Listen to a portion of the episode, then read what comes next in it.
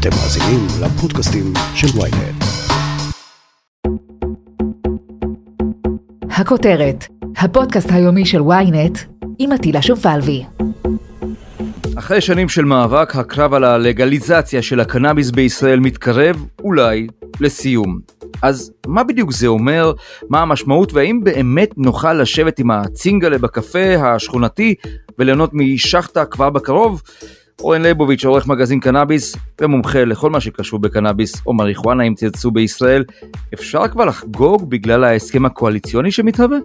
שמע, בימים רגילים הייתי אומר לך שכן, אבל uh, למודי ניסיון uh, מהממשלה האחרונה, אני נזהר יותר.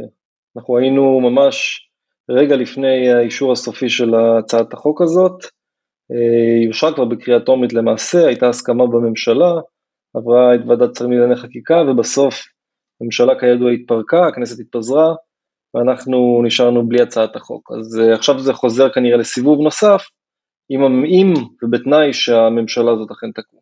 אתה אומר שזה כמעט הגיע לכדי פתרון uh, כבר בעבר, מה מנע את, ה, את הפתרון הזה? Um, למעשה רק הזמן, רק הזמן, זאת אומרת הייתה, הוקמה בעצם ועדה, ועדה מקצועית, שדנה בנושא הזה במשך חמישה חודשים, בראשות המשנה ליועמ"ש פלילים אה, עורך דין עמית מררי, והוועדה הזאת אה, בעצם אה, בדקה, לדעתי עשתה את הבדיקה היסודית ביותר שנעשתה אי פעם אולי, בנושא הזה, בשאלה האם וכיצד צריך להסדיר את שוק הקנאביס באופן חוקי, מתי לעשות את זה, למי לעשות את זה, איך לעשות את זה, שמעו את הצדדים, את המומחים, את כל uh, נציגי משרדי הממשלה והגיעו למסקנה חותכת וחד משמעית uh, שה, שיש המלצה להסדיר את השוק הזה באופן חוקי במודל של קנדה, כלומר מודל של שוק חופשי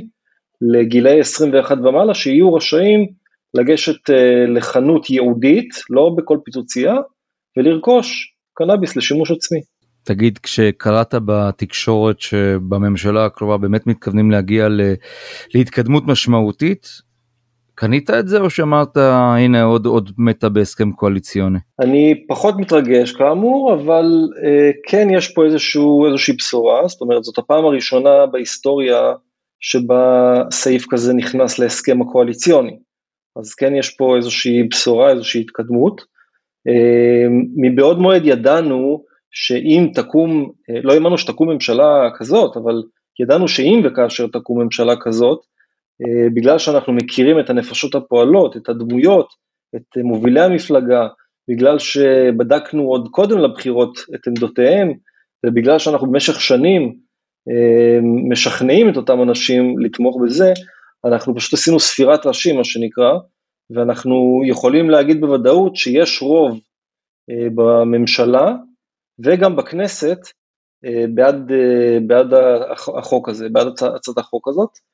כמובן, כמובן, כמובן שגם אם תקום ממשלה, אנחנו לא יודעים כמה זמן היא תחזיק, ולשם חקיקה כזאת נדרש קצת זמן ככל הנראה, אה, אבל אנחנו מאמינים שזה בהחלט יכול לקרות. זה, בוא נגיד שהמבנה של הממשלה הנוכחית, למעשה רק שניים או שלושה חברי כנסת מתוכה, יש איזשהו, איזושהי אפשרות שאולי הם יצביעו נגד דבר כזה, אולי, אבל יש לנו גם גיבוי מהאופוזיציה לעתיד במקרה כזה, של אותם שניים שלושה ש... ויותר, שלא יצביעו נגד. ולכן אנחנו בטוחים ברוב הזה. שמע, אנשים אולי קצת מבולבלים. מה בדיוק המצב של הקנאביס במדינת ישראל כיום? כי אנחנו שומעים על, המון סטארט-אפים בתחום הזה, ואנשים נהיים מיליונרים בין לילה, והנפקות ענק. בעצם על הנייר זה נראה כאילו שאנחנו כבר אימפריה של ממש. תשמע, בתחום, אה, בתחום הקנאביס, מה שנקרא הרפואי, שהוא בעצם אה, אה, בשנה האחרונה הפך מבאמת תחום של קנאביס רפואי לתחום של אנשים מכנים אותו לגליזציה לחולים, אה, זה עבר, זה תחום שעבר מהפכה. הכניסה של שחקנים באמת משוק ההון, חברות ענק, אה, כולל כולן, למעשה כל חברות הענק שקרובות לנושא לתחום הזה, מרמי לוי, דרך טבע ועד כל מיני חברות סטארט-אפ והייטק, ודמויות כמו בעצם כל ראשי ממשלה וראשי שב"כ ורמטכ"לים ומפקדי חילות ומפכ"ל ובכירים בתעשייה ובכל התחומים בארץ נכנסו לפעילות בענף הזה, ראש מוסד, ראש שב"כ, אם שכחתי, כולם בעצם, אולי נתניהו יהיה הבא בתור, מי יודע, אז התחום הזה באמת ספג איזשהו בוסט יחד עם מה שקורה בעולם, והיום השוק הזה הוא כבר לא שוק של כמה אלפי צרכנים, אלא שוק של כמאה אלף צרכנים, בדיוק ככל הנראה בחודש הבא, אנחנו עוקבים אחרי זה מחודש לחודש, בחודש הבא יגיע המספר כנראה למאה אלף אה, מחזיקי רישיון לשימוש קנאביס, אני מניח שכל מאזין כמעט מכיר מישהו שיש לו רישיון, אה, הייצור של המוצרים הפך להיות אה, אה, תחת רגולציה ומאוד, אה, יש מרצ'נדייז ויש מותגים, ומותג, כולל מותגים בינלאומיים שנכנסו לפעילות בארץ, יש רשתות בתי מרקחת שהפכו מבתי מרקחת על סף פשיטת רגל לרשת שזה כמו מה שנקרא דיספרסרי בארצות הברית, זאת אומרת רשת חנויות ייעודיות לקנאביס עם מיתוג מתאים, וזה באמת נהיה ממש בוננזה. הצפי הוא שהמספרים האלה רק ילכו ויגדלו, יש משהו כמו היום 3,000, כמעט, כמעט כל חודש יש עוד 3,000 מטופלים שנוספים, אה, והקצב הוא צומח במהירות. אה, בהחלט, לשם זה הולך. מצד שני, יש את השוק הלא חוקי, שמבחינת גודל הצרכנים, מדובר על פי נתונים רשמיים של הממשלה שבדקה את זה בשנת 2017, יכול להיות שזה גדל עוד מאז, אני לא יודע, אבל uh, משהו כמו, בוא נגיד מיליון, כדי לא להגזים, הם אמרו 27 אחוז, נגיד מיליון מהציבור הישראלי, שהודו שהם צרכו קנאביס במהלך השנה האחרונה לפחות פעם אחת. Uh, ולכן השוק הזה יהיה גדול משמעותית, ובעצם כל מה שאנחנו רואים היום, זה נראה למי שעוקב אחרי הדברים כמו מין הכנה לאותו שוק אה, פנאי, מה שנקרא, לא שוק רפואי, שוק שיהיה מותר כמו שוק האלכוהול, למשל, אם אני צריך אה, להשוות. אה, לשם אנחנו אה, הולכים, אבל בינתיים, וזה גודל האבסורד, אה, מדינת ישראל מצד אחד מותירה את השוק הזה שוק, כשוק שחור, שוק של מאות אלפי צרכנים שמשלמים אה, משהו כמו מוערך, חמישה, שישה מיליארד שקלים בשנה לפחות, גודל, גודל שוק, אה, בעיקר לכל מיני, לארגוני פשיעה שממומנים מזה, לתושבי הפזורה הבדואית, שאנחנו שומעים כמעט מדי יום תפיסה של אה, חממות בשטחי האש של צה"ל שם, הם, הם המרוויחים העיקריים מהדבר הזה, ומצד שני, אה, הצרכנים, שממשיכים להיות נרדפים ומופללים, אה, לספוג אלימות ממסדית, אה, חריגה וחסרת, לדעתי, חסרת הצדקה. זה עדיין קורה?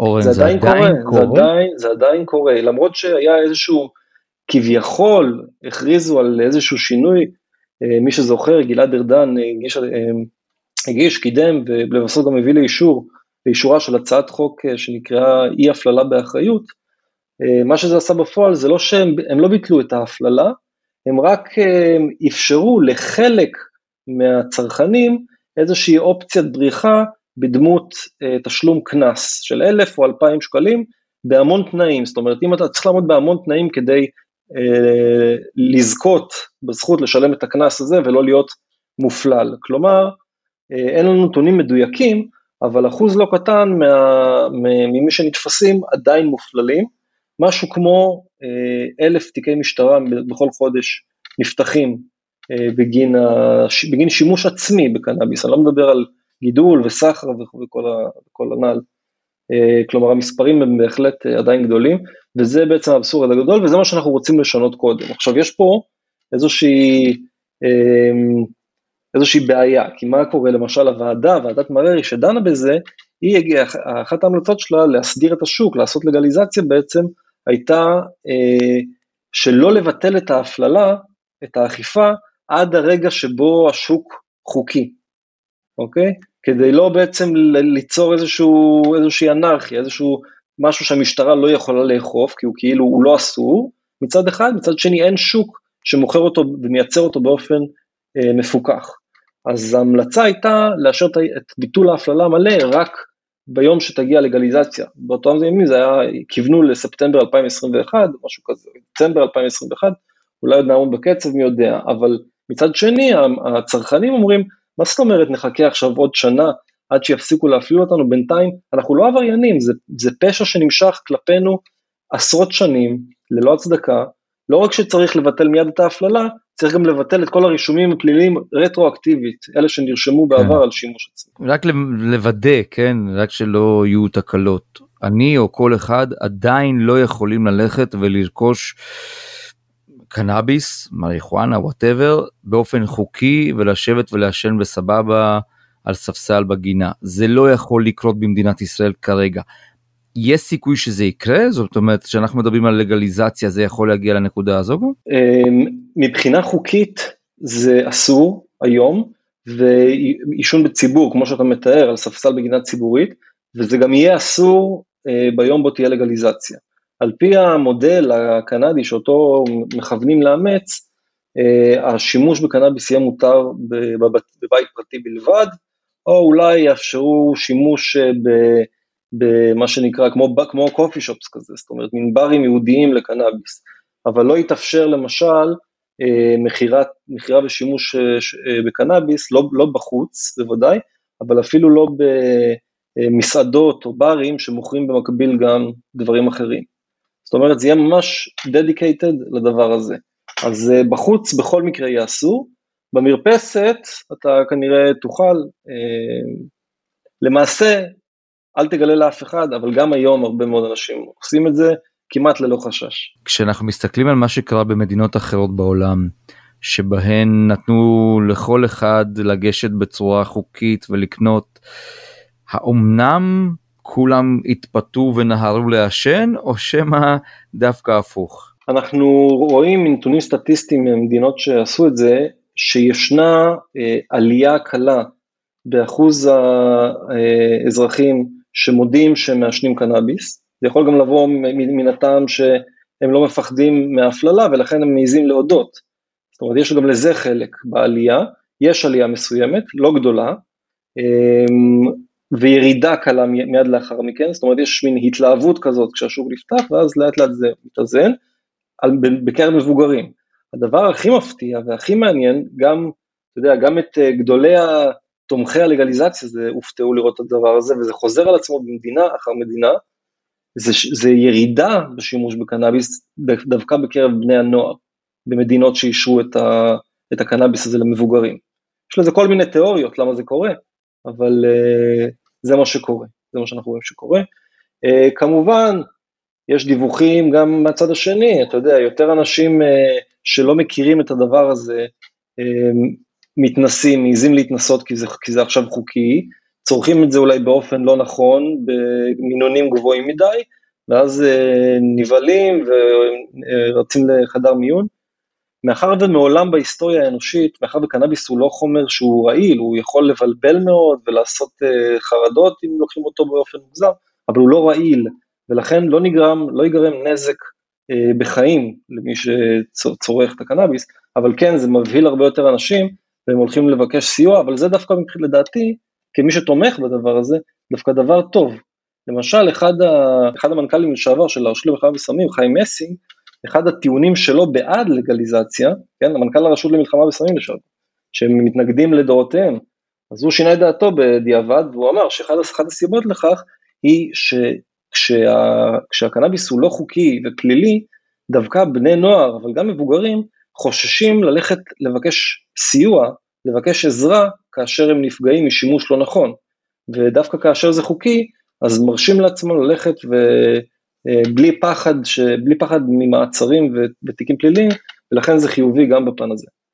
אני חושב שהסיבה נוספת חשובה, ומה שאנחנו רואים בקנדה נגיד, אנחנו רואים את זה החל מחודש מרס 2021, זה קרה מהפך, שלראשונה אה, מאז החוק אושר ב- 2018, אה, אנחנו רואים שהמכירות בשוק הקנאביס החוקי עקפו את המכירות בשוק הקנאביס הלא חוקי.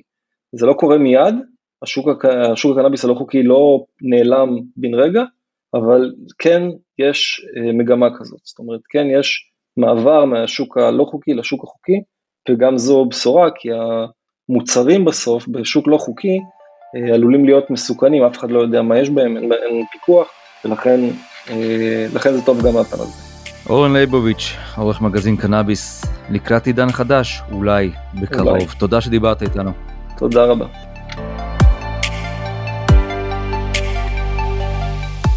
עד כאן הכותרת להיום, מחר נהיה כאן שוב עם פרק נוסף. אתם יכולים להאזין לנו בוויינט, בספוטיפיי, באפל ובכל אפליקציות הפודקאסטים באשר הן.